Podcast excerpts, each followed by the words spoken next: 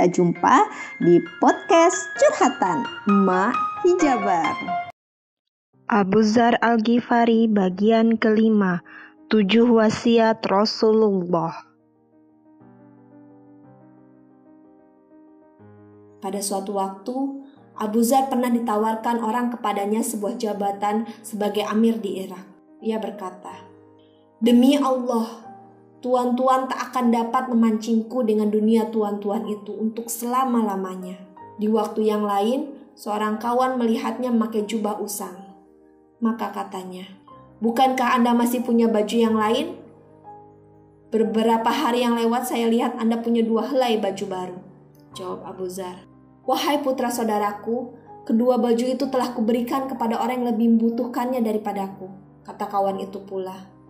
Demi Allah, Anda juga membutuhkannya. Menjawablah Abu Zar. Ampunilah ya Allah, kamu terlalu membesarkan dunia.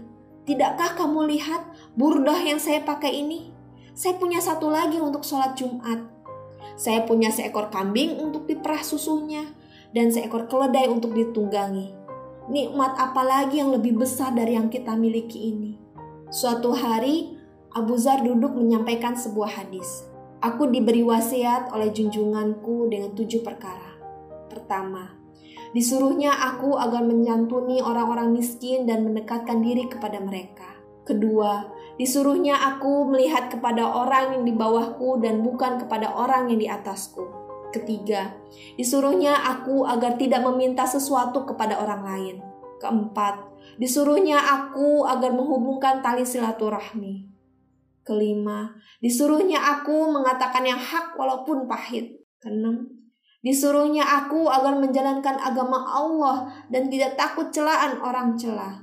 Ketujuh, dan disuruhnya agar memperbanyak menyebut La haula wa la quwata illa billah.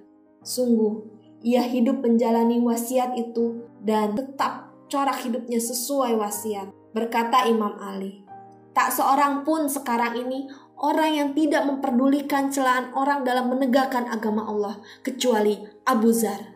Hidupnya dibaktikan untuk menentang penyalahgunaan kekuasaan dan penumpukan harta, untuk menjatuhkan yang salah dan menegakkan yang benar, mengambil alih tanggung jawab untuk menyampaikan nasihat dan peringatan.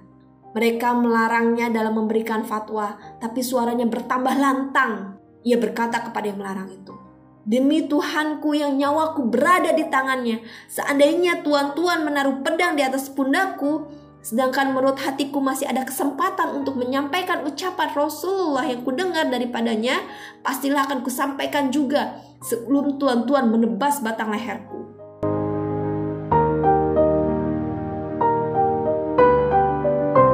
Dukung podcast saya dengan cara apa, Ma?